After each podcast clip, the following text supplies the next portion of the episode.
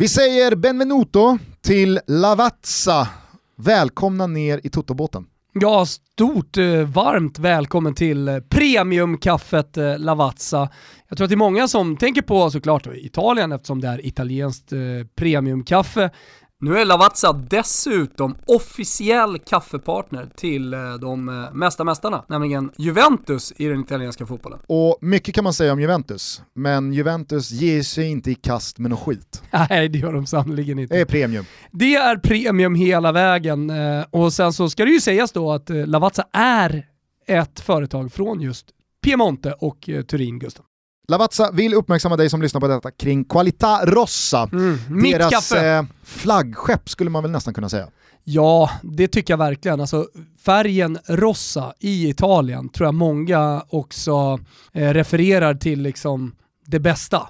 Är du med? Jag sa premium tidigare Gustav, men, men du har Ferrarin, eller hur? Den röda. Eh, om vi nu fortsätter att prata om Turin så har du då Cinquecenton, eh, bilen alltså. Så att eh, färgen rossa är ju förknippat med någonting extra, med premium. Och Qualità Rossa är ikonen för italienskt kaffe och rostat för att passa alla bryggmetoder. Så oavsett om du föredrar brygg, espresso eller mocca är Qualità Rossa ditt kaffe. Ja, alltså det är ju mitt kaffe Gusten, om du pratar direkt till mig. Jag har druckit eh, Qualita Rossa tillsammans med Christian Borell sedan eh, 10-15 år eh, tillbaka. Det blev mitt kaffe nere i Italien. Det blev det för att jag älskar hasselnötter, det blev det för att jag gillar det där lite mustiga åt chokladhållet. Eh, ah, det är helt enkelt ett fantastiskt kaffe som jag tycker är otroligt gott. Och då tänker många också nu när de lyssnar, jo men jag har ingen espressomaskin hemma. Jag sitter inte på en kaffekvarn och så vidare. Det är lugnt. Qualita Rossa, detta premiumkaffe, finns i fem olika, låt säga då, for, format Gusten. Hela bönor 1 kilo, hela bönor 500 gram, malen espressoburk, malen espresso refill och slutligen bryggkaffe. Alltså helt eh, vanlig in i din eh, kaffemaskin. Förändra dina kaffevanor och förändra ditt kaffeliv till det bättre Gör det med Lavazza och gör det med Qualita Rossa. Vi säger stort tack till Lavazza för att ni är med och möjliggör Toto Balotto. Stort tack.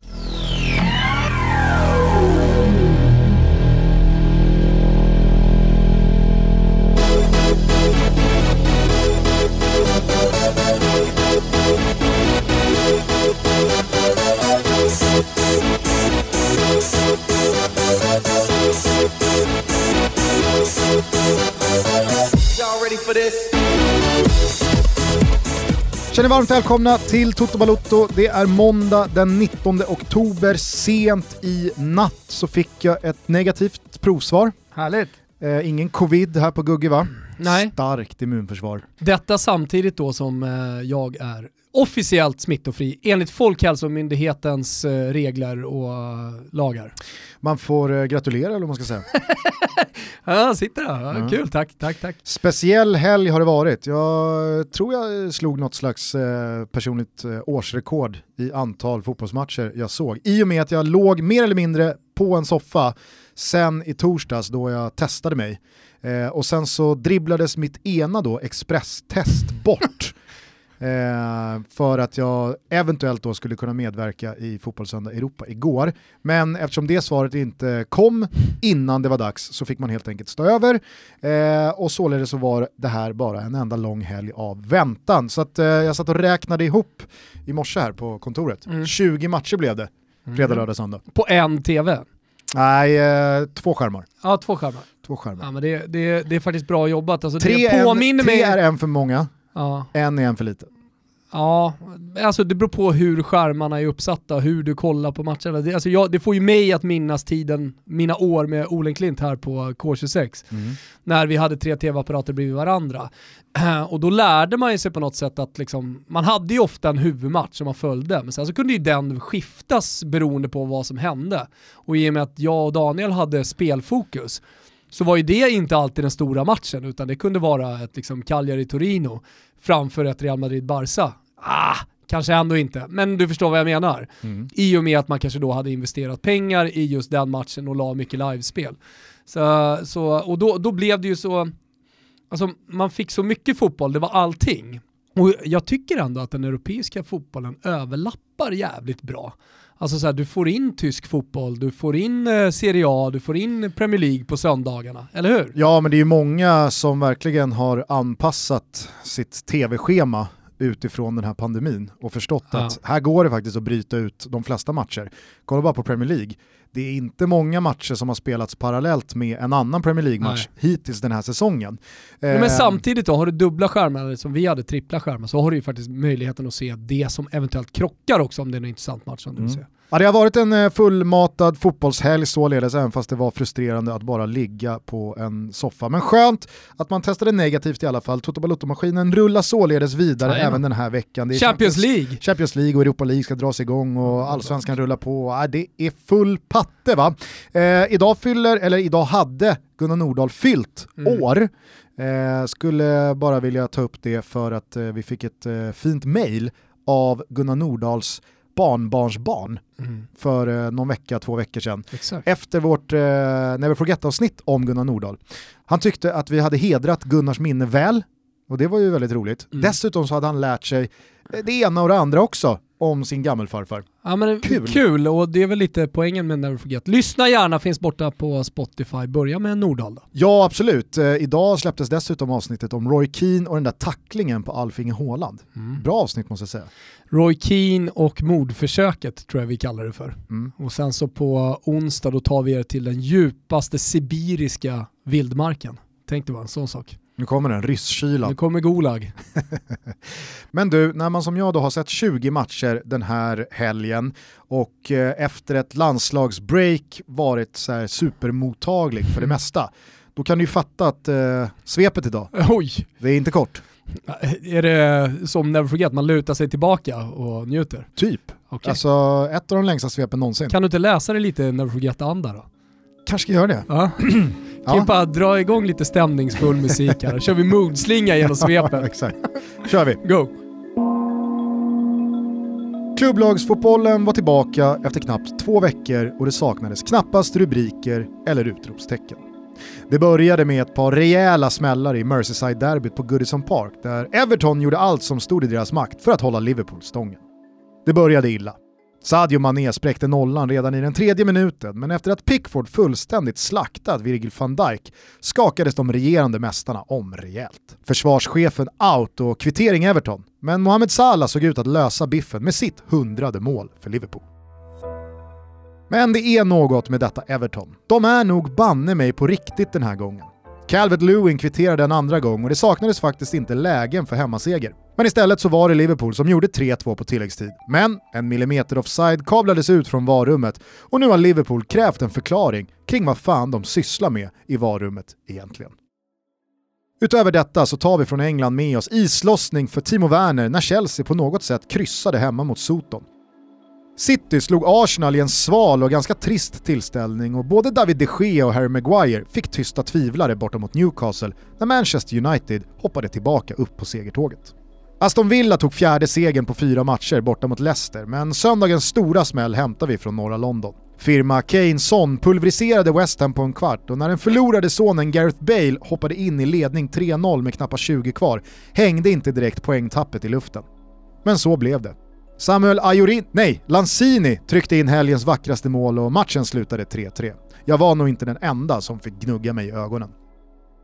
Men om Lanzini gjorde helgens snyggaste mål så hade Andrea Belotti gjort decenniets snyggaste mål om hans cykelspark suttit mot Cagliari. I alla fall om vår älskade Tancredi Palmeri fick bestämma.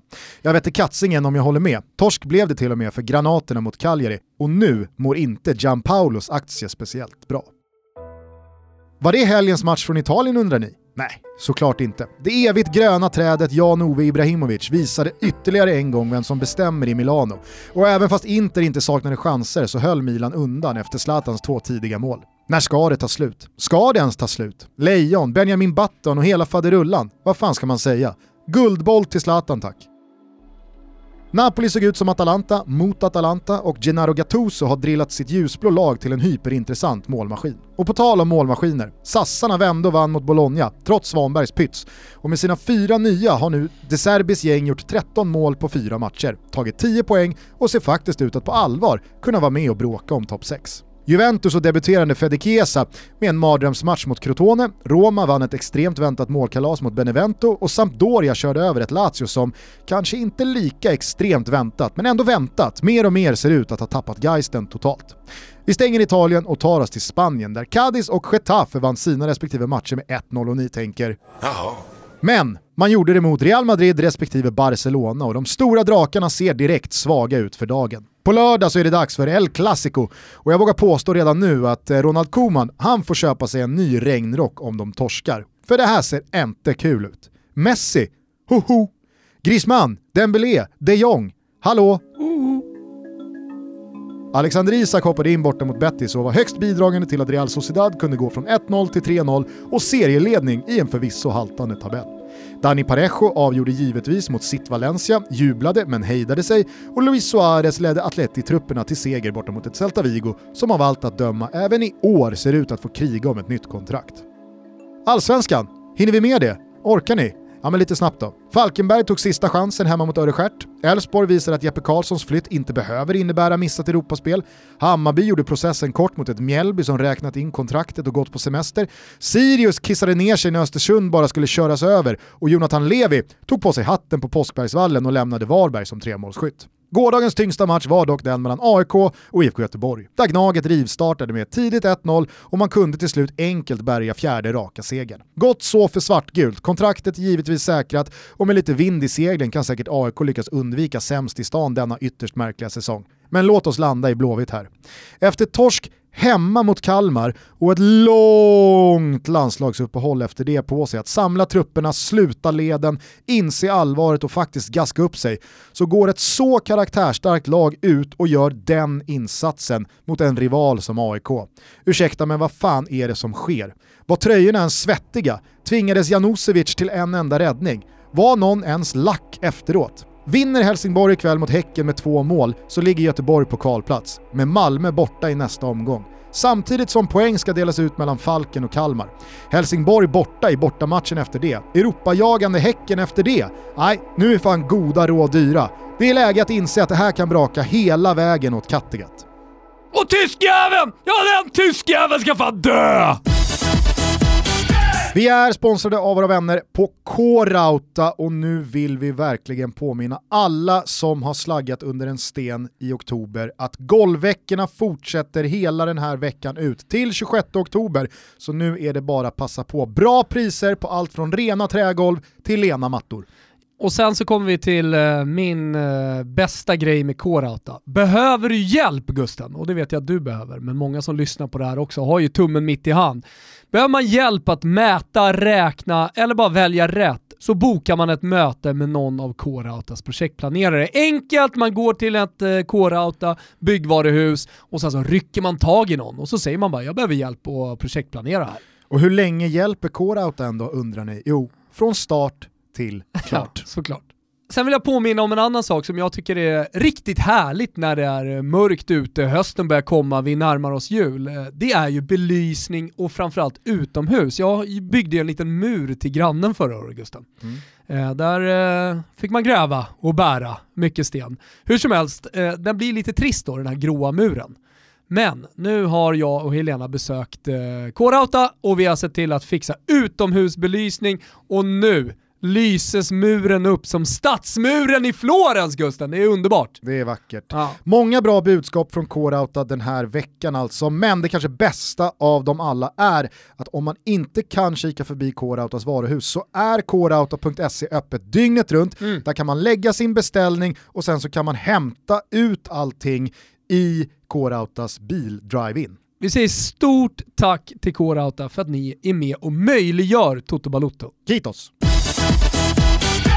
Tyskjäveln. Ja, nej, men alltså, jag ville bara få uh, sätta min prägel på det här svepet. Jaha. Ja. Ibland bara, vill jag det bara. Du bara hasplade ur. Ja, jag bara hasplade ur mig helt, någonting. Helt, eh, helt från ingenstans. Riktningslös tyskjävel. Jag är också med lite grann. Är du med? Ja, ja. fattar. Är du med? Äh, men, äh, är du med? Är du med? Uh, Borrell. Ja, ja. ja just Galna Borrell. Ja. Är du med?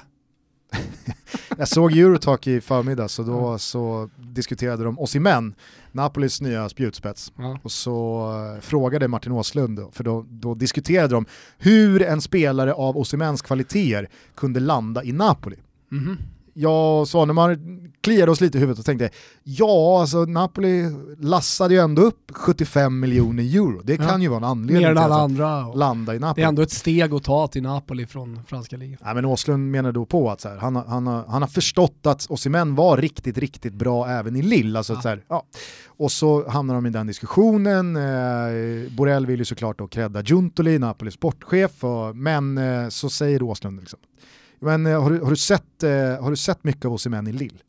så säger Borrell, nej det kan jag inte påstå att jag har. så, så ett jävla lugn. Ja. Ibland är han ju så lugn i alltså den, den diametralt motsatta delen till det vi brukar prata om som att man hänger ut drulen och Mm. visar att man, har, man hade koll redan för tre år sedan och Just det här är en spelare man följt sedan P17. Bo- Ingen kan ju vara så trygg i att säga nej jag har inte sett en, jag har inte sett en bildruta, Nej men, eh, men jag har koll ändå, som jag- Christian Borell. Exakt, när jag poddade med honom, vi gjorde italiensk fotboll, eh, pre-calciomania som du och jag gjorde, Mm. när vi hade kilometri d'amore, lever fortfarande podden, lyssna med Tony Bacci, hur som helst, eh, då var han ju också helt öppen med att han såg, kollar inte på fotboll. Behöver inte kolla på fotboll. Han fattar Jag ändå. älskar det. Eh, vart skulle jag någonstans med det här då? Eh, Det stör ju jo, annars hans perspektiv kring sportchefer och allting som sker runt om, så jag tycker det är bra. Jo, det var ju du som sa att det är Borrell som säger så. Bra, då har vi stängt det. Det var bara en liten passus. Ja, En kort bisats. Eh, vart vill du börja någonstans utifrån svepet? Det kanske är lite skevt efter en sån här internationellt händelserik fotbollshelg, alltså med van Dijk och Milano-derbyt och Zlatan och så vidare, att börja i Blåvitt. Men det kanske ändå är på sin plats. Ja det tycker jag. Eh, För, för känn, så, alltså, nu så du, som nu du målar upp det också, blickar framåt, ser vilka matcher som eh, IFK Göteborg ska spela och den tabellpositionen så, så är det ju ett krisläge som eh, IFK Göteborg inte har sett, inte ens under de eh, sämsta åren va? Så Nej. här nära har de inte varit att åka ur. Ja, det- 2010 Jo, kan det men- ha varit det, som de kvalade sig kvar. Men Sen eh, dess då? Ja, senaste decenniet så har det ju aldrig varit så här illa. Nej. Och som jag sa, det som verkligen förvånade mig med insatsen mot AIK igår var ju ett, hur det kunde se ut sådär på planen med de spelartyperna. Alltså Pontus Wernbloom, Bjärsmyr, Jakob Johansson, Johansson. Jag menar, så, så här, visst, det, det, det kanske inte borgar för eh, någon Harlem Globetrotters fotboll och Mm. tiki-taka och wow vad Blåvitt ser bra ut. Men det det i alla fall ska Inte garantera. riktigt där de är heller. Absolut inte, men det en sån startelva och sådana spelartyper ska garantera, det är ju att man i en sån här match fan ger allt och att man ser tunga ut, att man ser tjuriga och griniga och svårslagna ut och att man är underläge mot AIK i princip hela matchen vill någonting. Mm. Alltså Göteborg var så dåliga i andra halvlek så att det såg ut som att det var eh, det, det, det, såg, det såg ut som att det var Falkenberg Ja, det fall- som eh, AIK ledde Mm. bekvämt mot hemma på Friends, som då känner att "Ah, ja, det är inte i den här matchen som vi ska rädda något kontrakt, nu får vi bara spela av den här matchen och sen så sikta vidare på nästa. Alltså det är IFK Göteborg vi pratar om. De har redan sparkat Poja, Mm. de har plockat in delar av fikaligan, hemvända gänget, alltså nu finns det ju, nu, finns det ju inga livlinor kvar. Det fanns ett läge i matchen där jag tycker att Wernbloom hade kunnat väckt sitt lag lite. Eh, men bollen är i AIK straffområde, han är ju forward så han är där, jag vet inte om det har varit hörna. Eh, bollen kommer upp i luften och Janosevic eh, går upp för liksom bara plocka den. Wernblom står två meter därifrån. Han kommer ju såklart inte nå den, men för att väcka sitt lag skulle han kunna gå upp och ta en frispark där. Mm. Skulle kunna gå upp och försöka liksom nicka den bollen. Man har ju sett det hända någon gång i alla fall. Och Ja, ja. Liksom, ja, men gå in lite tufft där mot målvakten och fan, skrik lite på domaren. Visa att eh, den här matchen fortfarande lever. Och att IFK Göteborg fan lever. Men eh, då står han bara två meter ifrån. Så liksom, man säger, ska jag... Nej, jag skiter i det. Så bara slappnar han av och liksom, tittar upp på när Josevic eh, plockar ner bollen. Ja. Äh. Nej, men jag tycker, och, och, alltså, såg du Bjärsmyrs kroppsspråk när han byts ut? Ja. Ja, ja. ja Exakt. Okej, ja, ja. Knallar väl och sett den Nej, här. men det, det, och, eh, du nämner ju liksom spelare på planen och som har kommit tillbaka. Roland Nilsson med hans eh, erfarenhet. Alltså, an, va, vad har den sportsliga le- ledningen sagt till Roland Nilsson när han har kommit in? Vad har de ens pratat om under det här långa uppehållet som har varit? Precis, för det var det jag skulle komma till som då den andra saken som verkligen förvånar mig, som jag nämner i svepet, det här är alltså första matchen efter nästan mm. två veckors landslagsuppehåll, efter torsken hemma mot Kalmar. Alltså, då, då, då, finns det liksom ingenting att skylla på att man inte ser ut som ett lag som har fattat allvaret och som inte har tänkt att upprepa den usla insatsen. Det är en sak om du, likt AIK i det här läget, typ i nästa match här nu för Gnaget. Man har tagit ett gäng raka segrar, man har distanserat sig från botten, men man har ingenting med någon toppstrid att göra. Skulle Gnaget åka på en sån här märklig torsk här mm. nu snart så skulle inte jag bli förvånad för att man har, man har rätt ut stormen och så är det med den saken. Mm. Men, man hade ett uppdrag i, i somras eh, från Jurelius till eh, liksom, ny tränare och spelarna på planen. Exakt. Nu löser vi det här, man har slutit samman, man har tagit segrarna nu är det över. Ja. motivationsförlust i, i någon av matcherna. Men äh, jag, jag, jag tittar på IFK Göteborg här och känner rejäl oro. Alltså inte för att jag har några subjektiva incitament i Blåvitts existens, men jag tycker att det är, det är häpnadsväckande att se en sån stor klubb dribbla bort sig så fullständigt mm. som man har gjort. Inte bara då utanför plan med allt som varit, utan även på plan rent sportsligt. Alltså, om man med de här karaktärsspelarna inte kan uppbringa mer karaktär än sådär mot en av sina värsta rivaler AIK i det utsatta tabelläget man är. Mm. Alltså då, då, då, vet jag inte. Och som sagt, nu, nu ger jag väl såklart favoritskapet till Häcken ikväll, men som jag sa i svepet, Helsingborgs seger ikväll, ah, då, då, då kan Helsingborg på målskillnad vara förbi Blåvitt och då är de på kvalplats. Malmö borta i nästa, samtidigt som Falkenberg och Kalmar möts, så att där ska båda lagen ta poäng eller ett lag ta tre. Då är helt plötsligt en direkt åka ur placering i spel också. Mm. Och så har man Häcken på det, man möter Helsingborg borta. Alltså. Ja, men det enda man vill se, och det tror jag alla IFK Göteborg-supportrar liksom skriver under på, det är att man går ut och visar inställning. Alltså det är ju det är ju exakt i det läget de befinner sig i just nu. Alltså går ut, ta frisparkar, var jävliga, precis som du är inne på. Alltså gnugga i alla fall, visa att ni vill det, svettas för tröjan.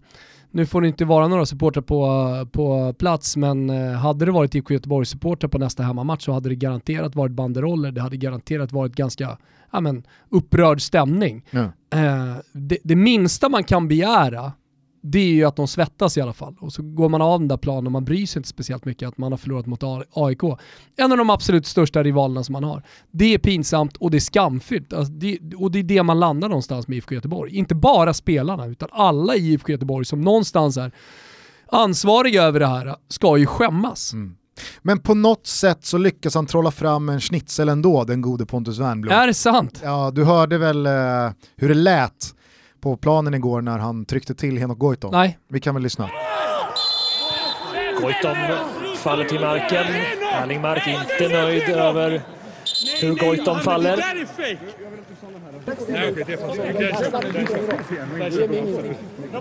Henok, är det lugnt eller? Henok, är det lugnt? Är det lugnt? Ja men eh, härligt, och att han snackar bort det gula, det är väl det han vill göra där? Ja, exakt. Nej, men så han, han, han hinner ju med allt här. Ja. Först liksom Först så lackar han ju på ja, ja. du ställ dig upp, du får fan ta, du, ta en smäll som en man. Det är ju det Wernbloom liksom vill, vill uttrycka här. Men sen då så vill han förklara för alla Kim också att han, han, han, han fejkar bara, det ser du väl Mohammed? Nej, nej, nej Mohammed. Men sen då så verkar alla Kim då, alla Kim har ju spelförståelse att så här, det är frispark men inte gult, så då, då ser man att Värnamo är ändå lite nöjd. Ja. Köper det. och sen så känner han väl sig tvungen att liksom halvironiskt kolla så att Henok ja, mår bra. Ja, ja. Eh, så att det isolerat då från Blåvitt och Värnbloms usla insats så får han en schnitzel för att det är, ändå, det är ändå härligt att höra honom och se honom. Vi pratade ju om det här med, det var Danne va? Som också har liksom följt Wernbloms återintåg på de allsvenska planerna. Att han... Vad tycker han om återintåget då? Ja. Han har inte gjort jättemycket bra sportsligt. Nej, men just det här i sin relation det till domarna. Jag. Att ja, ja. Danne slog ju fast att domarna vet att, inte rött, men du kommer få ett gult. Och det är Wernbloom nöjd med. Så ja. han får, ja, han det, får spela lite fulare än alla andra. Ja. Han kommer få sitt gula och förmodligen bli avstängd var tredje, var fjärde match. Eh, men det blir liksom inte rött, för det är ja. Wernbloom, det är ingen som, alltså, du kan inte visa ut mig.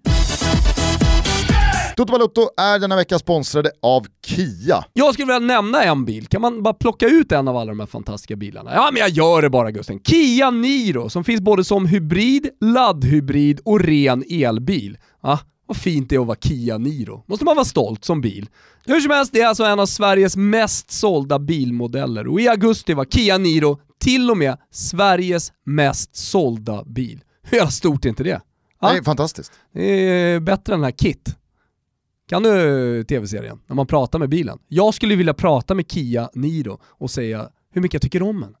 Jag känner verkligen för, för, för Kia Niro. Hur som helst, Kia erbjuder många laddbara bilar och deras breda utbud och långa erfarenhet inom elektrifiering. Och de kallar det för elfarenhet. Under 2020 så är Kia störst på försäljning till privatpersoner och du kan privatlisa en laddhybrid från Kia från endast 2995 kronor i månaden. Vi säger stort tack till Kia för att ni är med och möjliggör Toto Balotto. Eh, det om eh, allsvenskan, eller? Ja men... Eh, Det finns ju inte så mycket jag- att säga, det var ganska många sådana här Nej men eh, Elfsborg vinner över Kalmar, eh, väldigt eh, väntat. Alltså den typen av matcher egentligen som spelades. Hammarby förvånar satte, satte ju- ju gas framåt och det, det är ju ett Hammarby som faktiskt skulle kunna avsluta allsvenskan på ett ganska snyggt sätt. Ja, vi pratade lite om det här innan inspelning. Jag tror att ur ett kort perspektiv, alltså av det som finns kvar att rädda den här säsongen för Bayern. Alltså de kan ju bråka sig in i någon slags Ah, ja. topp eh, Europaplats eh, eh, strid.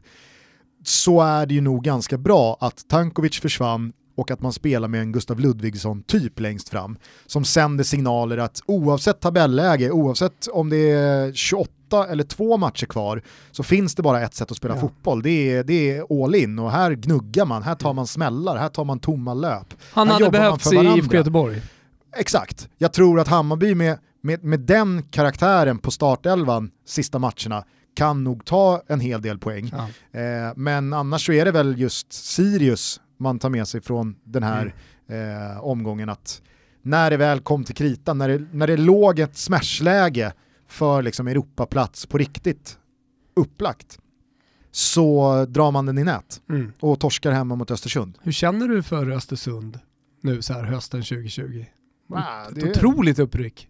Har du hopp om guld? Alltså, I och med att det inte är matematiskt eh, avgjort än så finns väl ändå någon liten naiv förhoppning. Men det kan vi säga till lyssnarna, pengarna är utbetalda. Ja det är det. Eh, ska man bara antingen ducka... Gusten och jag hade ett vad för alla nytillkomna tittare av Toto Balotto. 11 000 var det på. Östersund tar guld inom fyra år eller vad var det? Innan 21. Innan 21. Mm. Och eh, var det två månader sedan så sa du, äh, nu tar vi det här. Ja. Jag betalar ut pengarna. Ska man bara undvika Albin. Ja just det.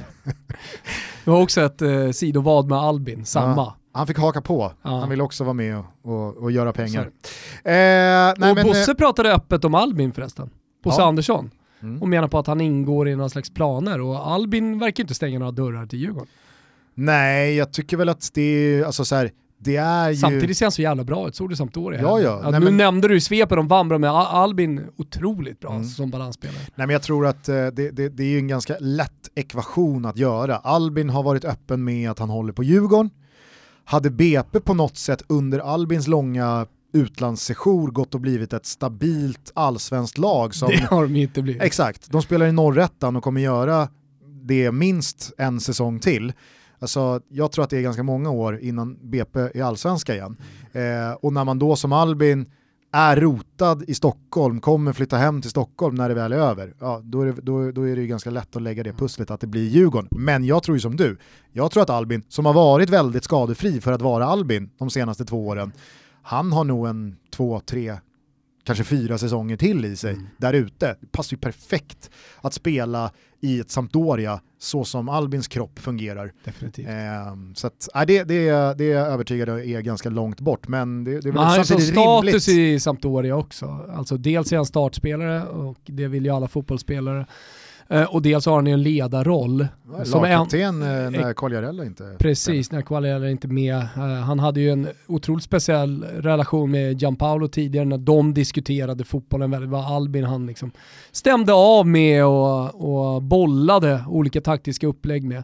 eh, har ju Albin berättat. Eh, och en sån roll i en sån liga på den nivån, vinner över Lazio på det sättet de gör och han är en nyckelspelare, ledare i laget. Det, det är klart att det lämnar man inte för Djurgården. Nej, inte nu i alla fall. Eh, ska vi eh, fortsätta hålla oss utomlands då? Det händer ju onekligen en jävla massa saker, inte minst då på Goodison, mm. eh, Everton-Liverpool. Pickford eh, gick ut med stora lien och klippte van Dijk över knäna och det verkar ju vara eh, mer eller mindre bekräftat att det är korsbandet. Alltså Liverpool har kommunicerat officiellt att van Dijk har opererats, van Dijk själv har varit ute och liksom skickat ut att nu börjar eh, en rehabiliteringsperiod. Jag vet inte, ser man den där tacklingen, ser man hur benet och knät är positionerat i en frysframe, ja alltså det, det är inte det är inte en liten skråma på knäskålen, utan det kan ju bara vara ett korsband som Men så här i Never Forget Roy Keane-tider och mordförsök på Alfinge Håland eh, så, är det klart att man gör kopplingarna. Så kolla på de knäskador som ofta uppstår så är det ju sällan med uppsåt att skada någon eller att någon hoppar in en tackling i ett ben utan eh, det, det är snarare liksom dueller där någon helt plötsligt haltar till. Alltså kolla på Jakob Johansson på San Siro till exempel. Eh, det är ju så korsbandsskador ja, eh, uppstår. Claesson... Eh... Ah, ja, nej men det är sällan duell. Och, och, i det här fallet så har du ju, ska inte säga ett mordförsök, men, men du har ju trots allt eh, Pickford som direkt skadar, pajar korsbandet på eh, van Dijk. Mm. Har han uttalat sig efter? Alltså ofta ser man ju då kollegor som de är, även om de är rivaliserande spelare, går ut och liksom visar sin stora liksom, gjorde ju det. sorg. Sådär. Som senare i matchen släckte Thiago, skickade honom till sjukhus. Ja. Rikarlison gick ut och, och, och bad om ursäkt och mm. sa att det var inte mitt uppsåt att skada. Men eh, mig veterligen så har det varit tyst från Pickford. Mm. Däremot så slogs det väl fast eh, här nu idag att eh, Pickford kan inte straffas i efterhand. För att alltså, i och med att VAR tittade på situationen så måste man låta det domslutet stå. Vad tycker du stå. de skulle ha gjort där och då, VAR? Eh, det jag tycker är ju att jag har full förståelse för att i och med att man bedömer van Dijk offside så kan det inte bli straff. Det, Nej, det, det, det, det skiter liksom, jag lite också. Absolut, men det, det har ju många liksom så här offside eller inte, det där ska vara straff och rött kort. Nja, är det offside så, så ska det ju inte kunna Nej. vara straff. Nej. För då är ju van Dijk i en otillåten position. Mm. Men. Bollen, är, bollen är per definition död, Exakt. så det är samma sak som den är Men offside eller inte, så kan du ju alltid visas ut. Och mm. där måste ju någon förklara hur man kan se den där tacklingen mm. och inte säga i, om det är Michael Olivers öra, jag kommer inte ihåg vem det är som är domare, att mm. äh, det, det, är blodrött, mm. upp med det röda för att det, det, det, där funkar liksom inte. Jag fattar inte hur man inte landar i det. För att det är det som är märkligt, det är en sak om de bara hade kollat på eh, offsiden. Mm. Men här är det ju liksom, det är samma sekvens. Exakt. Så att, äh, jag, jag, jag, tyckte, jag tyckte det var... Ja, men återigen så är det liksom konsekvensen in, inom domarkåren, även om man byter land, alltså när Kesa får sitt röda kort. Alltså han kommer ju sent in i den duellen, det finns inget uppsåt att, att skada. Han springer på det sättet, han går in för att ta bollen, men säga, är sen. Jag, jag, tycker inte det är, alltså det är inte 8 av 8 på tårtskalan. Exakt, och det, det, är det jag vill säga. Alltså det där är 4 av 8 kanske, rött kort. Exakt, men, men det den, vanliga... exakt den uh, skaldiagnosen ställde jag också på Twitter mm, när någon frågade. Ja. 4 av 8 skulle jag säga på tårtskalan. Mm. Ja, det, det, som är, det som är konstigt med Pickford, det är att det är 8 av 8, ändå klarar han sig. Ja. Således måste det ju per definition vara 7 av 8. Ja, ah, men det kan vara 8 av 8 och sen så kan man eh, döda ett varum, en domare, totalt och säga att han borde inte döma mer. Ja. Och de som satt i varummet, de borde inte få sitta där. Nej, jag vet inte. Det, var, det, var, det var för mig i alla fall extremt märkligt hur man inte kan uh, se att det där är rött kort. För hur det var klarar sig då vidrig jävla tackling alltså. Hur klarar sig de då? Nej men det, det, är väl, det är väl där man måste ta vidare då eh, samtalet kring det här. Vart lämnar det här Liverpool? För jag, jag håller ju van Dijk i Liverpool som en av de absolut mest betydelsefulla spelarna för ett lags profil och karaktär och ja, men, garant för någon slags lägstanivå. Van Dijk har väl spelat i princip varenda minut. Då menar du alla minut. lag i de stora ligorna? Exakt. Alltså, så här, alla spelar alla lag. Nu, går, nu går det väl att argumentera för att Juventus ser ut på ett visst sätt utan Cristiano Ronaldo. Och visst, mm. han ska nämnas där uppe, såklart. De hade vunnit med Ronaldo på planen, så är det Ja, eh, det, det, finns eh, andra spelare, Tottenham, Harry Kane, alltså där, där där är det går så här, fortfarande inte att, att jämföra med van Dijk. Eller det går att jämföra, men van Dijk jag bollar, är upp, viktig. jag bollar upp andra exempel, Mm, ja, men, men det är bra. men det jag tror oavsett vad man tycker... Wernbloom, Liksom, IFK Göteborg. Eller? Ställ upp Henok! nej det är fake Mohammed! Eh, nej men eh, oavsett eh, vilka exempel som folk kanske håller högre så tror jag att alla är överens om att van Dijk och Liverpool, det är väl topp fem i alla fall. Jag, jag skulle säga att van Dijk håller jag ju som betydligt viktigare för Liverpool än Salah. Eh, för att där finns Diego Jota eller eh, tidigare Shakiri eller min, alltså så här, du, kan, du blir ett sämre lag men du blir ju fortfarande jävligt konkurrenskraftiga. Nu ska Liverpool stå där utan van Dijk, utan Alisson ett tag till va? Eh, och så med Matip och Joe Gomez som mittbackspar, ah, jag vet inte fan alltså, jag, jag skulle nog inte sträcka mig så långt som vissa andra har gjort att det här gör Liverpool till icke-favoriter till Nej. ligatiteln eller att som Jamie Carragher tror jag eh, sa att nu, nu är det helt öppet. Alltså Liverpool har ju fortfarande skaffat sig en bra poängskörd eh, och har ett jävla bra lag. Och i många matcher så ska man kunna lösa det här ändå. Man kanske inte kommer hålla lika många nollor men man är ju fortfarande ett jävligt kapabelt lag framåt. Eh, men absolut så är det ju ett enormt sportsligt hårt slag för Liverpool. Och det, det är nog inte många som kan tävla i form av vilken impact en långtidsskada gör på ett lag som Liverpool kan göra här nu med, med van Dijk. Nej, och så blickar man lite bredare och lite längre fram på den här säsongen eh, så har man ju faktiskt eh, ja, dels inhemskt kuppspel men det tar ju lite på krafterna också men du har framförallt Champions League som ska spelas. Och där har ju Eh, och- Liverpool en ganska tuff grupp. Med Exakt. både Ajax och Atalanta. Nu tror jag de grejar eh, den gruppen, vi får väl se vad, om Atalanta Ja, har blivit grupp. mänskliga efter eh, torsken i helgen. Det tror jag inte. Jag tror att de kommer göra jävligt bra matcher. Eh, får inte heller glömma bort, jag tycker att det ska sägas i liksom, alla sammanhang när man uppar Atalanta, att eh, de var ju fan borträknade från åttondelsfinal för ett år sedan. Mm. Eh, när de inledde jävligt svagt i gruppspelet i Champions League. Sen kom de ikapp. Hur som helst, det är en tuff grupp, men jag menar bara liksom att de ska slåss på två fronter och sen har man då ingen van Dijk. Det blir tuffa matcher hela tiden. Och är det någonting som han liksom har stått för, du pratar om garant, oh, men det har ju också varit garant i alla matcher, för han spelar ju hela tiden. Exakt. Han är ju extremt bra på att energispara, alltså det ser inte ens jobbigt ut. Han, han, han är ju lika svettig som eh, Wernbloom, bara det att han är bra. Bjärsmyr. Okej då, Bjärsmyr, du kan ta Wernbloom, du kan ta vem som helst. Jo, det är ingen som var alltså svettig i IFK Det är mer adekvat att, Ja, att jämföra ja, ja, med ja. mittback. Eh, liksom, eh, tyckte att Bjärsmyr kämpade. Wernbloom han kämpade fan inte. Ska upp i den här nickduellen med, med Janosevic. Det som dessutom är så här, oavsett hur man tror att Liverpool klarar sig, är ju också det du är inne på som jag redan nämnt också. Det är ju att det här är ju något nytt Ja. för detta Liverpool. I och med att van Dijk har spelat varje minut sedan han kom, Precis. så vet man ju heller inte vad Liverpool är för lag utan Man honom. vet vad de var innan. Exakt, och det var men ingen... det är ju det var inte ingen... samma Liverpool som innan, det har ju hänt mycket. Det är ju inte bara van Dijk som Nej, har och kommit in. Liverpool innan van Dijk var ju absolut inte det rock solid lag Exakt. som bara var en tidsrymd ifrån att vinna både ligatitel och Champions League-titel. Eh, sen så återigen, den här procentsatsen, hur mycket negativ impact det har, om det tvistar de lärda, men jag är helt övertygad om att det i alla fall kommer vara en anpassningsperiod här nu. Och jag tror att många motståndarlag kommer nog känna några procent ytterligare liksom tro på att fan, Liverpool kan vi slå. Aston Villa har gjort det. Everton eh, tryckte tillbaka dem eh, efter att van Dijk eh, fick lämna plan. Fan, de är sårbara här nu. nu kör, alltså, Det är jag helt övertygad om för att de saknar sin kapten och ledare. Jag vet att Henderson är kapten, men vad fan, alla som ser Liverpool med van Dijk i laget ser ju vem som är lagkapten. Eh, så att, ja, det... det Men har du tänkt på det med, med Everton och Carlo Ancelotti? Att han ser yngre ut i år än vad han har gjort på väldigt länge. Det ser ut som att han har kört en eh, Mm. Riv, rivstart Sverige med, med Vahid, alternativt en 16 weeks of hell.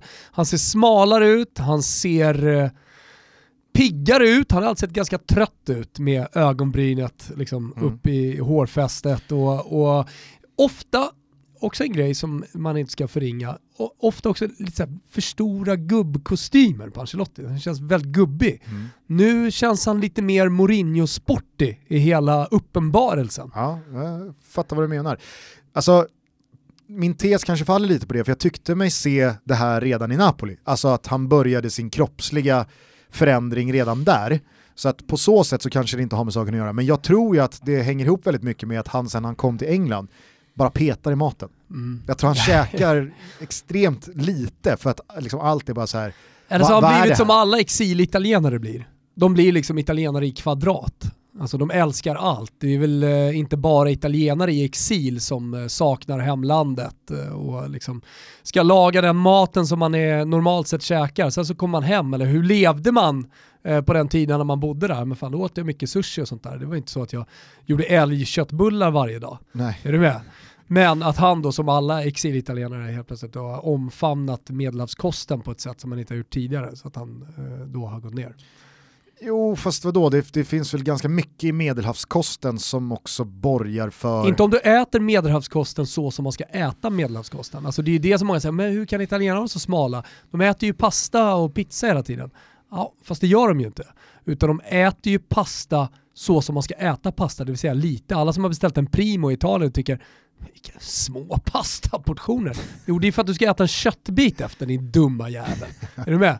Ja, ja jo, jag är med. Det, det, och det är för att du inte ska äta så mycket pasta. Och det, det, vet ju italienarna, men det, fattar ju inte amerikanarna eller svenskarna. De ska ju ha en piatto unico. Det Ja. ska, liksom, det ska helst ligga en entrecote på pastan. Jag, Jag, tror, såg på TV4, de har ju på Nyhetsmorgon, nu när jag kollar på så jävla mycket TV, det har liksom bara snurrat TV4. Då har de eh, något slags matlagningsprogram i Nyhetsmorgon mm, med olika kockar. mm.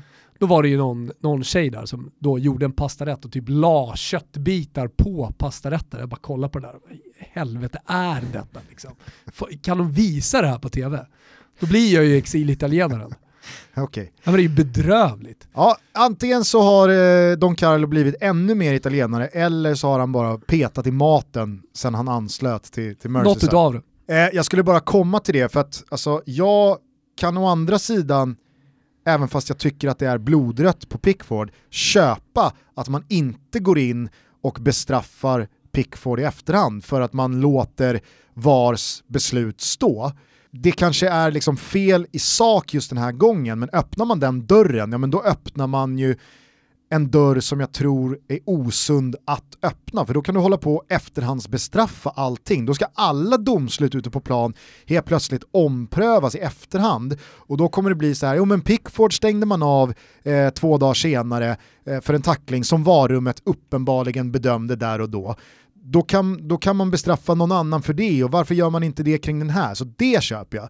Eh, och dessutom så tror jag att det i det här fallet har väldigt mycket att göra med utfallet som blev. Hade van Dijk ruskat av sig den där tacklingen, korsbandet hade inte rykt och han hade kunnat fullfölja matchen, så tror jag ingen hade pratat idag om att nu måste vi stänga av Pickford i efterhand. Det där blir ju liksom ett konsekvenstänk utifrån att det gick som det gick med van Dijk. Det blir lättare att då tycka att nu ska man stänga av eh, den, den skyldige.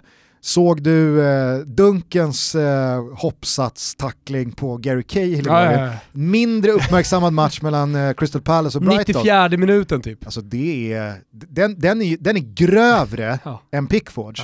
För där är det som att Lewis, han får en knäpp. Han får en knäpp i huvudet att så här, nu stoppar jag in 95 kilo och 2 meter muskler här I 94 minuten. med öppna sulor och så får jag se hur många piper jag tar.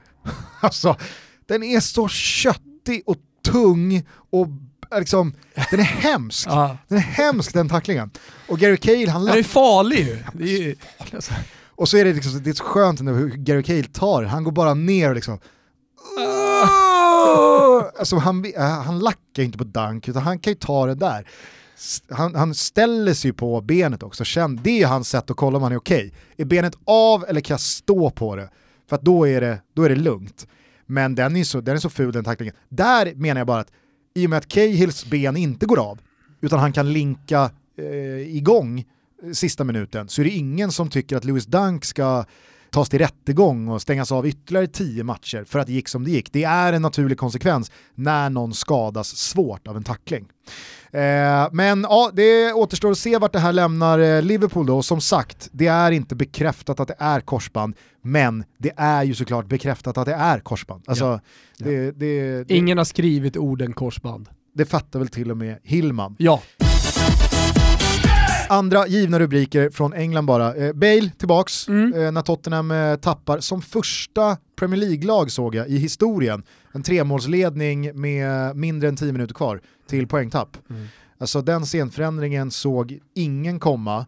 Eh, jag tror att många nog började liksom så här post van Dijk eh, med 3-0 efter en kvart och Son och Kane och så som Tottenham har sett ut. Och så Bale på det, känna att så här, fan kan, kan är det Tot- Tottenhams Exakt. år? kan Tottenham blanda sig i Det är det här? aldrig Tottenhams år, Gusten. Spurs, är- det är aldrig Spurs år. Jag tyckte det var... De hade sin chans, det vet du också. Ja, om det var Stefan Jovanovic eh, som eh, skickade ut den när Chiellini pratar om Tottenham när Juventus slog ut Spurs för några år sedan i Champions League. Alltså Chiellinis eh, efter matchen intervju då, på engelska när han pratar om att Juventus aldrig gav upp. Yeah, but, Tottenham it's the history of the Tottenham. Uh, they uh, they always uh, created many chances and scored so much, but at the end they miss always something to arrive. Han är så... Han, är så han, han menar ju inget illa. Nej. Han är ju bara ärlig här. Exakt. Att så här, ja, men it's, it's Tottenham, you know. It's, they, we know Och det, det, they det är väl det, han, find sä- a way to lose. han sätter väl fingret på det jag säger då. då. De, de hittar alltid ett sätt att förlora på. Mm.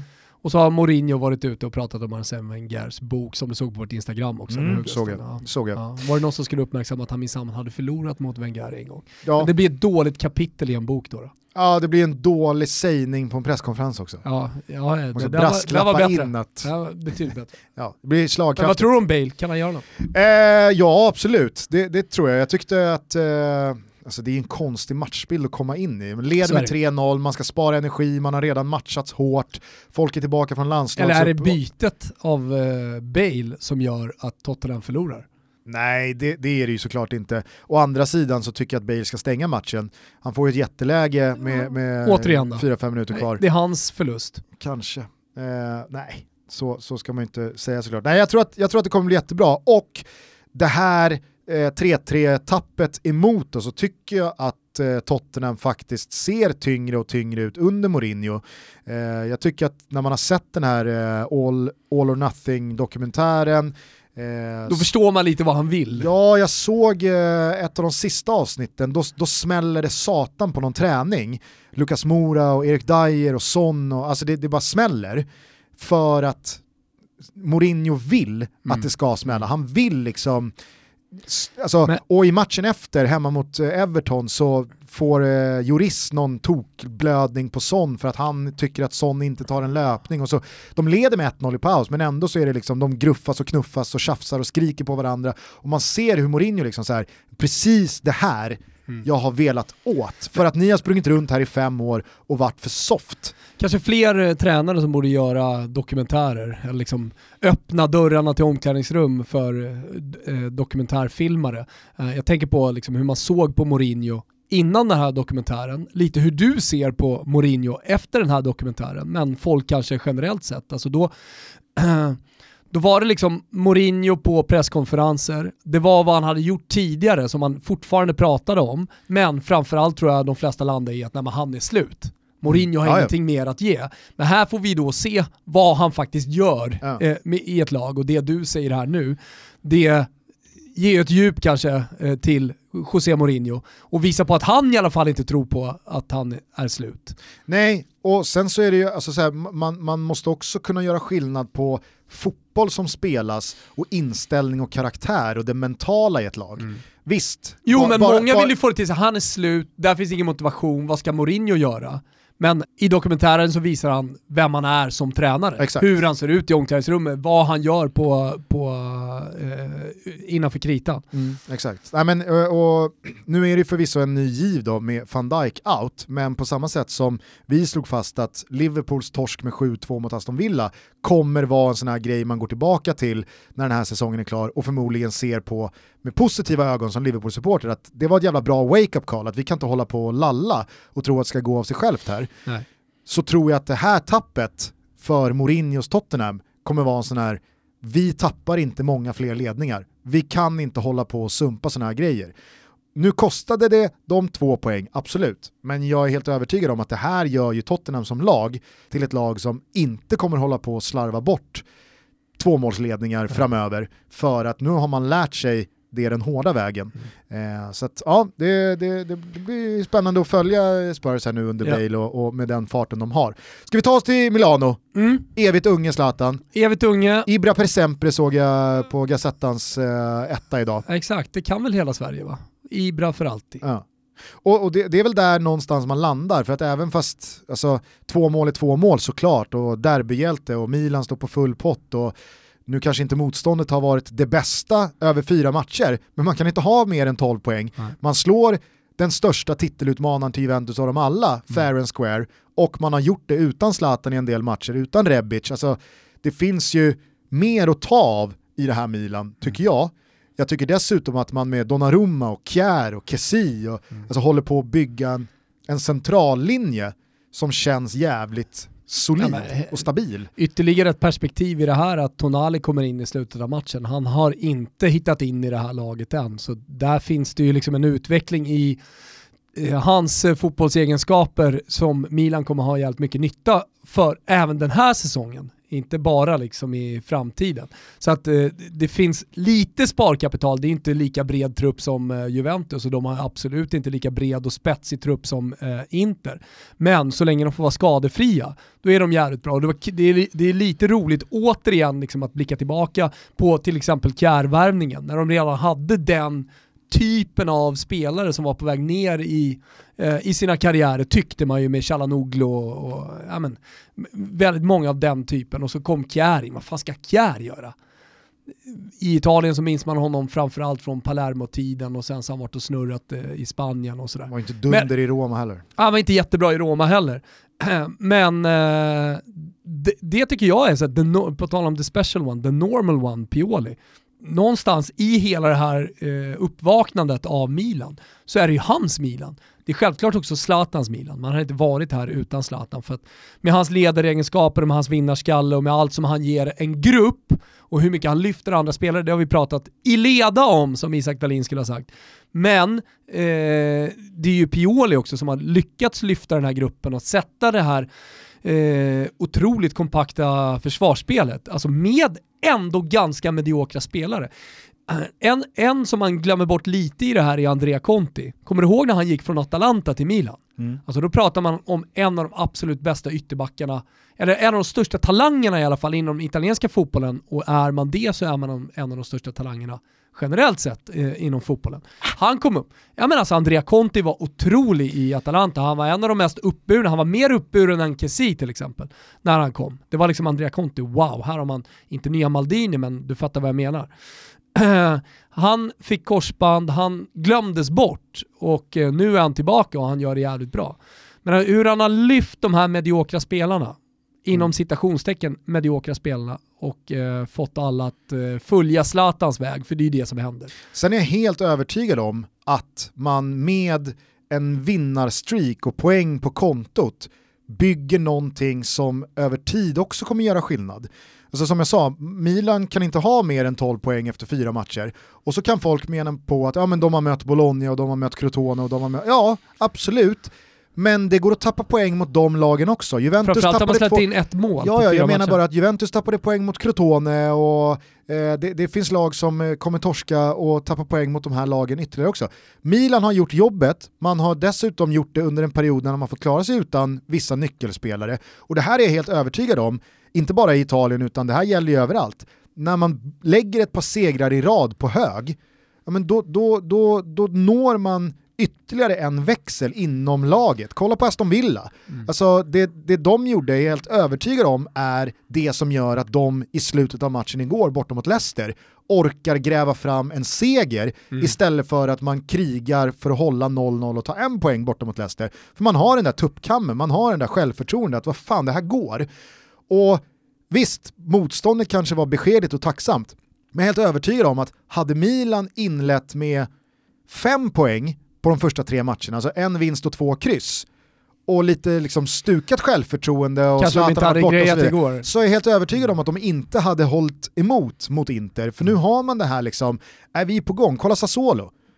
Och deras säsongsinledning. De ligger under med 3-1 med 25 minuter kvar mot Bologna, lämnar med tre poäng, för att de, de vet liksom att Ja, men nej, fan, det- vi, har, vi har sån jävla go här, nu kör vi. Och det finns energi att hämta i de segrarna Exakt. och eh, tryggheten som man har bakåt i Zlatan Ibrahimovic. Men det finns också energi att hämta ur Juventus ganska dåliga inledning.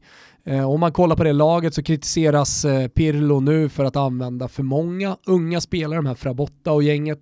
Eh, de, det, det är ingen som lyfter Juventus till, eh, till någon scudetto. Och det är inte de som ska lyfta Juventus till scudetton heller. Men de är inte tillräckligt bra. Och det är ganska uppenbart och det är uppenbart för Milan också. Och när de tappar poäng, när man vinner ett derby, på tal om kommande matcher, det är klart att Milan tror på det här nu. Och dessutom med Zlatan i truppen. Mm. Det ska mycket till om, om Milan ska förlora fotbollsmatcher de kommande månaderna. Ja. Det, det, ja. Nej men ibland så är det så jävla basic fotboll. Alltså det, det är så mycket självförtroende, det är så mycket bara mentalt i en grupp. Om man har det med sig eller inte. Det, och det kan gälla Blåvitt åt ena hållet och så kan det gälla Milan eller Aston Villa åt andra hållet. Det, det, det är så jävla enkla grundlagar som fortfarande styr och ställer. Eh, guldbollen till Zlatan. Jag tänkte precis säga Theo Hernandez. Att Ja, men det är ändå roligt, jag, jag sticker ut av Svenska hakan. Guldbollen Ja, 2020, Å ena Theo sidan Hernandez. stuckit ut hakan vad det gäller Blåvitt eh, och sagt att de kommer topp 6. Å andra tre. sidan, topp 3. Eh, å andra sidan så har jag stuckit, stuckit ut hakan och sagt att Theo Hernandez eh, kommer bli, kanske till och med redan är, världens bästa vänsterback. Mm. Och många skratta och racka ner på mig för den spaningen. Men håll kvar Theo Hernandez tanken som världens bästa vänsterback i två år och så ser vi var vi står. Men eh, Zlatan då, Guldbollen. Det är ju då november till november man avgör vem som ska ha priset eh, Guldbollen. De där statuterna har jag vridit och vänt på och läst upp och ner och vi. försökt liksom så här. Är det Sveriges bästa fotbollsspelare som ska ha Guldbollen? Eller Det är det någon året. annan? S- Sveriges bästa fotbollsspelare under den här tiden. Ja, Vem är kan det? man ju tycka. Men ibland så får jag för mig att de där statuterna Men varför ska det snarare... annars finnas en tidslinje? Jo men tidslinjen finns, alltså november till november, Ja. det, det Vem har varit Sveriges bästa fotbollsspelare november till november? Ah, jag vet inte. Du, du, du krånglar till det. Nej, det är jag som tycker att statuterna inte ska kunna gå och misstolkas. Guldbollen ska väl ges till Sveriges bästa fotbollsspelare. Sveriges Mellan bästa november och november. fotbollsspelare de senaste 12 månaderna är, och så sprätter Ja. man kuvertet och så Ja. säger man grattis. Mm. Men vissa år så har de där statuterna på något sätt lyckats tolka till att vem, Men går det till politik även i svensk fotboll? vems insatser har varit mest avgörande för svensk fotboll? Mm. Är det Sveriges bästa fotbollsspelare? Ah, på ett sätt ja, men på ett annat sätt Mm. så behöver inte det överensstämma. Alltså, Andreas Granqvist, han har aldrig varit Sveriges bästa fotbollsspelare, Nej. men hans insatser Ja, har- ja, de, det är- de har väl varit väldigt år- avgörande för svensk fotboll med det är det landslaget inte lite som Ballon d'Or? eh, Att, eh, nu, nu har de ju faktiskt ställt in Ballon d'Or så det kommer att delas ut någon, eh, någonting från France Football. Trist för Griezmann. Ja, Han var väl där och högg i sitt eget huvud i år igen. sanslöst hur han kan nämnas. Alltså, även när han är som bäst så förstår jag inte hur Griezmann kan nämnas. Nu är inte det min gubbe men eh, svensk fotboll delar i alla fall ut Guldbollen i år eller? Det har inte Ja, kommit ja. några andra. Ja. Eh, och då finns det ju bara två spelare att välja mellan. Det är ju Dejan Kulusevski och det är eh, Zlatan. Alltså det är väl klart att du kan ju bolla upp Emil Forsberg och Victor Nilsson Lindelöf. Fast de spelar, Såklart. E- Emil Forsberg spelade ju knappt. Emil Forsberg gick till eh, Champions League-semifinal med Leipzig. Men man spelar ju inte. Han spelade. Jättemycket. Han spelade. Spelar han Han spelade. från start. Framförallt så spelade han ju då november, december 19. Och eh, Men jag tänker bara att han var borta ganska mycket. Det var, ju- det var mycket snack om Emil Forsbergs eh, vara eller icke vara i Leipzig eh, och att han hade någon skada som höll honom borta från planerna. Sen dök han ändå upp i trupper men eh, spelade ganska lite. Jag menar bara att om du kollar svart på vitt så tror jag att Emil Forsberg har ganska många matcher för Leipzig november till november. Man har en Champions League-semifinal, man har återigen en topplacering i Bundesliga, han har gjort en bra Landslagshöst. Och en bra inledning på Bundesliga dessutom. Exakt, så att han är inte borträknad. Nej, men om du, om du ska jämföra honom med Kulusevskis vår, inledning, att han säljs till Juventus, att han direkt har en startplats i ett av världens bästa lag, så tycker jag att eh, liksom Champions League-semi spelar egentligen inte så jävla stor roll. Jag tycker också dessutom att eh, liksom Dejan Kulusevski har slagit sig in i, i, i startelvan i det svenska landslaget. Alltså det säger också någonting om det han har gjort under det här året. Ja, fast för mig, för mig, är, för mig är det Dejan Kulusevski har gjort eh, Årets raket. november till november inte Guldbollen eh, värdigt. Okej. För att ska, alltså så här, jag håller med i det du säger, men ser man krasst på vad han har gjort i landslaget och Juventus, Liksom 10 mål, 11 ass eller vad har han i Parma? absolut, men det kan vi väl ändå tillstå båda två, att det var ju en januari, februari, marsperiod i Parma efter att han blev klar för Juventus, som inte var speciellt bra. Sen var det ett coronauppehåll och sen så var det en sommar där, visst, han, han var bra, men han det har var, alltid varit bra. det var inte den här hösten, vintern när han var helt otrolig. Ah, jag har gjort det bra hela tiden egentligen. Så Och sen lite så är det så här-. Vad har han gjort i landslaget då? Ah, han har ju ännu inte liksom, han har inte ens gjort mål. Alltså han, han, är, han är alltså framröstad till eh, Serie A's absolut bästa unga spelare. Bland andra vet. italienare! Chiesa och vet, gänget som är uppburna och spelar landslag Jag i försöker Italien. ställa honom mot... Den här säsongen du pratar om, alltså, ja, han är köpt av Juventus. för mig är Emil Forsberg före. Kulusevski, men för mig Nej. är Zlatan före Alltså, alla. Emil Forsberg kan omöjligt vara före Dejan Kulusevski. Omöjligt. I, Spelar han 22 minuter i i semifinalerna? Utifrån de glasklara Alltså jag har ingen statuterna, aning, jag bara säger det. Jag utifrån minns de glasklara statuterna så är Emil Forsberg före Dejan Kulusevski vad gäller Aldrig. Guldbollen. Men är vi överens om att Zlatan är längst fram? Ja, över, alltså överlägset. För där tycker jag att det finns liksom ingen... Alltså han lyft Milan från eh, att ha varit... Att, folk får fan inte glömma det Gusten. Alltså Milan var på botten när Zlatan kommer in. Spelare som Rebic, Chala- Chalanoglu, Kjär för all det. Alltså hela Milan var... Var det bara jag som tänkte när Sallemäckers kom att det här är... Nu, men det är nu sorglig, new, sorglig version av, av Milan. Alltså sättet han har lyft det där laget. Alltså, Inte Sälemäckers då. Eh, Helt okej Ja, ja, gubbe nu under Zlatan också. Men fan, Nocerino såg ut som Maradona när Zlatan spelade i Milan förra vändan. Så att det, det, det är väl fler spelare som har lyfts under honom. Men, Nocerino men såg ut som Maradona med Zlatan i Milan, sen lämnade Zlatan och Nocerino mötte med Torino va, BP, och ja, hade svårt att skina. ja, här är svårt att skilja på Tele2. Nybyggt Tele2. Ja. Eh, Jag stod bland Torino-supportrarna, det var en fin eftermiddag faktiskt, det måste jag säga. Pontus Segerströms sista match. Ja, det var det. Fy fan. Ja, usch. Vila i frid. Mm. Tillbaka till att eh, komma ihåg vad Zlatan har gjort. Mm. eh, så, så är det ju faktiskt ett november till november där det bara är december som man inte spelar.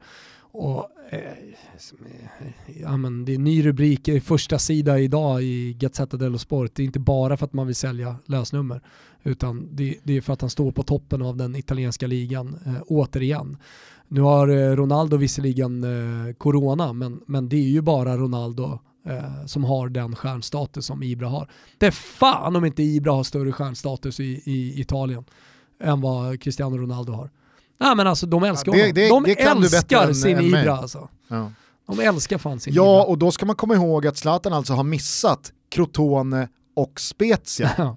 på grund av coviden han också. Ja, och ligger, hade- alltså, ligger topp i Det är skytteligan väl rimligt att tro att han, om han hade spelat de två matcherna, hade haft 6-7, två, ja. tre bollar till i nät. Och Leao fick ju göra ett par pytsar där när han var borta, de hade väl han gjort annars. Men det jag tycker verkligen avgör varför Zlatan ska ha Guldbollen 2020, det är ju att han med allt det här tävlar mot resterande landslagsspelare som faktiskt inte kan peka på landslagsinsatser värdiga att trumfa Zlatan med. Jag köper att Zlatan har svårt att plocka guldbollar när landslaget parallellt utan honom har kommit femma i VM och man har kvalificerat sig för eh, ännu ett mästerskap och man har gjort det jättebra i många landskamper mot tufft motstånd.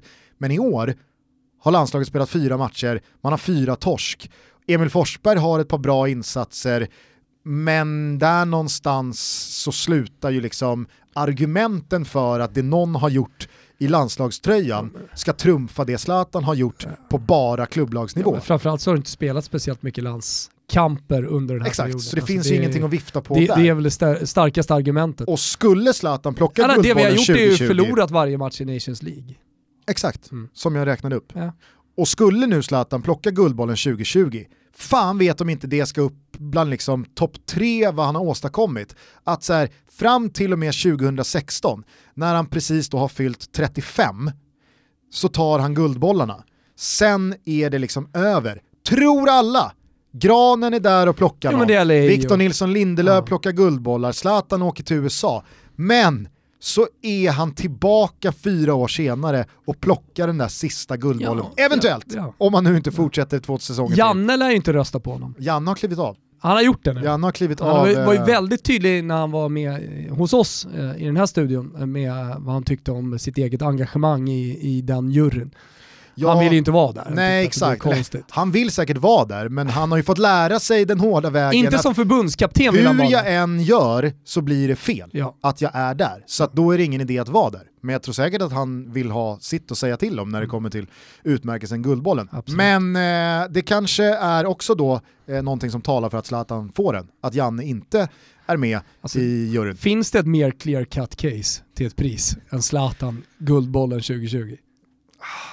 Du får väl eh, snacka med Betsson, boosta oddset. Ja. Och på tal om Betsson så ska vi plocka fram några långtidare inför Champions League-säsongen som stundar Mm. tisdag onsdag. Drar igång här nu imorgon tisdag, finns ett par fina grupper, finns ett par fina matcher. Eh, många olika knepiga aspekter att eh, ta i beaktning, men eh, vi ska nog kunna eh, få lite Ja. fason på det här. Ja, men I Champions det- League är vi starka. Det blir, det, ja, det, det är vi och det, är lätt att tänka coronasäsong, ja, men eh, hur kommer det påverka de olika lagen? Så här, jag, jag, jag tror att vi kommer, i alla fall på fotbollsplanerna, se en hyfsat samma typ av Champions League-gruppspel som vi har sett tidigare med många favoritsegrar. Eventuellt något eh, lag som då inte håller måttet, men, Mm. men det kan vi ju plocka ut du och jag, eller hur? Mm. Vi kan väl redan här och nu Vi eh, glasklara när säsongen drar slå igång. fast att Inter vinner sin grupp, trots att Real Madrid finns där. Ja men det gör de. De kommer vara hungrigare på den här de gruppsegern. än vad Real är kapabla till. Så att, eh, det är ett av alla långtidsspel som vi skickar ut tillsammans med våra vänner på Betsson. Håll ögon och öron öppna via sociala medier här nu Mm. innan kickoff imorgon tisdag. Mm. Så är det bara att haka på eh, de spelen ni känner för. Glöm inte att eh, man måste vara 18 år fyllda för att göra det. Mm. Upplever man att man har problem med spel eller någon i sin närhet som har problem med spel så finns stödlinjen.se öppen dygnet runt. Sen skickar vi ett litet tips, ett råd ner till eh, Göteborg. Det gäller spelare, det gäller sportslig ledning, eh, Mm. det gäller egentligen hela Kamratgården. Gå in på randstad.se och eh, börja kika om efter en ny karriär. Proaktiva. Var proaktiva. Var Kolla förebyggande. lite andra branscher, inte nödvändigtvis i fotbollsbranschen. Det finns andra saker man kan göra med livet. Slänga ut några krokar. Släng ut lite krokar, det är därför Randstad finns. Vi Eh, ser ju alla vartåt det barkar. Vi ser alla vart åt det barkar. Rakt åt helvete va. eh, så randstad.se, där kan ni optimera era karriärer, Kamratgården. Det vore jävligt roligt ifall Helsingborg slår Häcken ikväll med typ tre bollar, går förbi Blåvitt, de är på kvalplats och att någon i IFK Göteborg liksom, "Ah, vad fan jag reggar väl CV. Jag lyssnade på Toto alltså. Visst, det var lite kul sagt, men det finns en poäng med gubb, det vad gubbarna fan jag reggar väl CV då. Just in, case, Just in case. om det här nu skulle sluta riktigt, riktigt Och ni illa. andra som lyssnar på det här, eh, om ni vill optimera era karriärer, jag går då in på världsledande randstad.se. Hörni, vi delade ut en schnitzel tidigare i avsnittet. Som alla vet, ingen schnitzel utan gulasch. Åh. Den här gången så går gulaschen till Kun Agüero. Jag vet inte om du såg vad som hände mot eh, Arsenal. Jag tror du skulle börja prata om hans eh, engagemang i e-sportvärlden. Mhm, För nej. det är ju värt en schnitzel. Jaha, ja, han det- har ju startat två stycken eh, lag i Argentina. Okej. Han är ju en gamer av rang va? Han började twitcha i våras tror jag och har redan miljontals följare. Mm. Så om du vill ha mer av Kun Agüero och framförallt Kun Agüero e-sport, då ska du gå in på hans Twitch. Ja, men det är bra tack. Jag eh, ska ju vara med Lucasinho eh, om någon vecka. Lite ett större dropp stjärn, stjärn och namnmässigt. Ändå inte i, i ett svenskt perspektiv, eller? Okej, Lucasinho är vår motsvarighet till Kun Agüero. Han är stor. Okej. Skitsamma, eh, ingen gulasch till Lucasinho i alla fall. Och hur många eh, e-sportslag han än... Leber eh, knödelsuppe till Lucasinho. Kanske. Hur många e-sportlag Kun Agüero än startar så får han en gulasch för det som hände i matchen mot Arsenal. Han var ju tillbaka efter långvarig skadefrånvaro. Det var en kvinnlig linjedomare och eh, så blir det ett eh, motlägg eh, nere vid linjen och eh, inkastet döms då till Arsenal. Det här håller inte Kun Agüero med om. Så att han eh, säger väl ett par väl valda ord till den här eh, kvinnliga linjedomaren. Och sen så tar han liksom tag i hennes nacke på ett riktigt oskönt sätt. Och jag vet... Alltså jag har sett situationen, jag måste bara vara lite djävulens in, advokat ja, innan du är det, Mm. får jag då bara avsluta min, eh, min, min, min Absolut. take på det här. Kör. Många som jag har pratat med, där har valsat runt i olika WhatsApp-grupper och så vidare, säger vänta nu, det där var allt som hände. Mm. Och folk vill eh, liksom eh, problematisera och mena på att det var något helt annat. Fan shit, nu såg jag situationen, det, det lät som att Kun Agüero hade liksom, eh, misshandlat henne. Och, nej, nej, så var det inte. Jag ser också vad som hände. Jag såg också någon brittisk eh, programledare, kvinnlig, som gick ut och sa att vill man att eh, kvinnor ska tas på ett jämlikt eh, sätt och på lika stort allvar som herrar inom fotbollen så är det väl det här som vi är ute efter. Alltså att hon då var djävulens advokat och hon menade på att det, här, det finns inget problematiskt här. Om något så är det här ett jämställt beteende av Kun Agüero eh, gentemot Han hade gjort så om det hade varit en man också. alltså. Problemet är ju att jag har aldrig sett en spelare ta tag i nacken på en manlig linjedomare i ett liknande läge. Därför är det en skillnad, för jag är helt övertygad om att hade det där varit en man, manlig linjedomare så hade inte det skett. Och det gör att jag, jag alltså säger nej, nej, det var inte soft alltså. Och sen Jag minns säga ju så här, när Borg- det, var, det var ingen våldtäkt, det var ingen misshandel, det var liksom inget, nej absolut inte. Jag säger bara, det var inte soft gjort, det där var inte nice alltså. Jag eh, minns när Borja Valero eh, petade på eh, Orsati tror jag det var. Eh, alltså i en eh, klassisk här, frisparkssituation utanför straffområdet. Och då, då ska han göra någonting så då är han där med fingret och bara liksom snuddar vid honom. Tre matchers avstängning. Och mitt, i- mitt i en period där, där Fiorentina hade det lite tufft men ändå störde topplagen. Alltså när du vet, Borja i Fiorentina, ett Fiorentina som var bra. Alltså typ, fan var det Giuseppe Rossi, liksom slutet av Giuseppe Rossi-tiden där när, när man ändå gjorde ett dödsryck för att ta upp kampen igen i toppen. Det, det var ett bra Fiorentina. Sen var ju Borja Valero var ju, alltså, han var ju magisk under den tiden. Han slog inte bort en passning. Han var så otroligt jävla bra. Han skulle in i spanska eh, landslaget som, som var Ja men de hade ju ett överflöd av den typen av spelare i större klubbar, men, men så bra var han. Och så kommer det lilla, lilla petet fick rött kort. Och med det sagt, om vi nu ska prata konsekvens på domarkår, så var ju det Kun Agüero gjorde i jämförelse med det Borja Valero gjorde, nu var det visserligen några år sedan, men ändå, en våldtäkt. Är du med? Ja, ja, ja.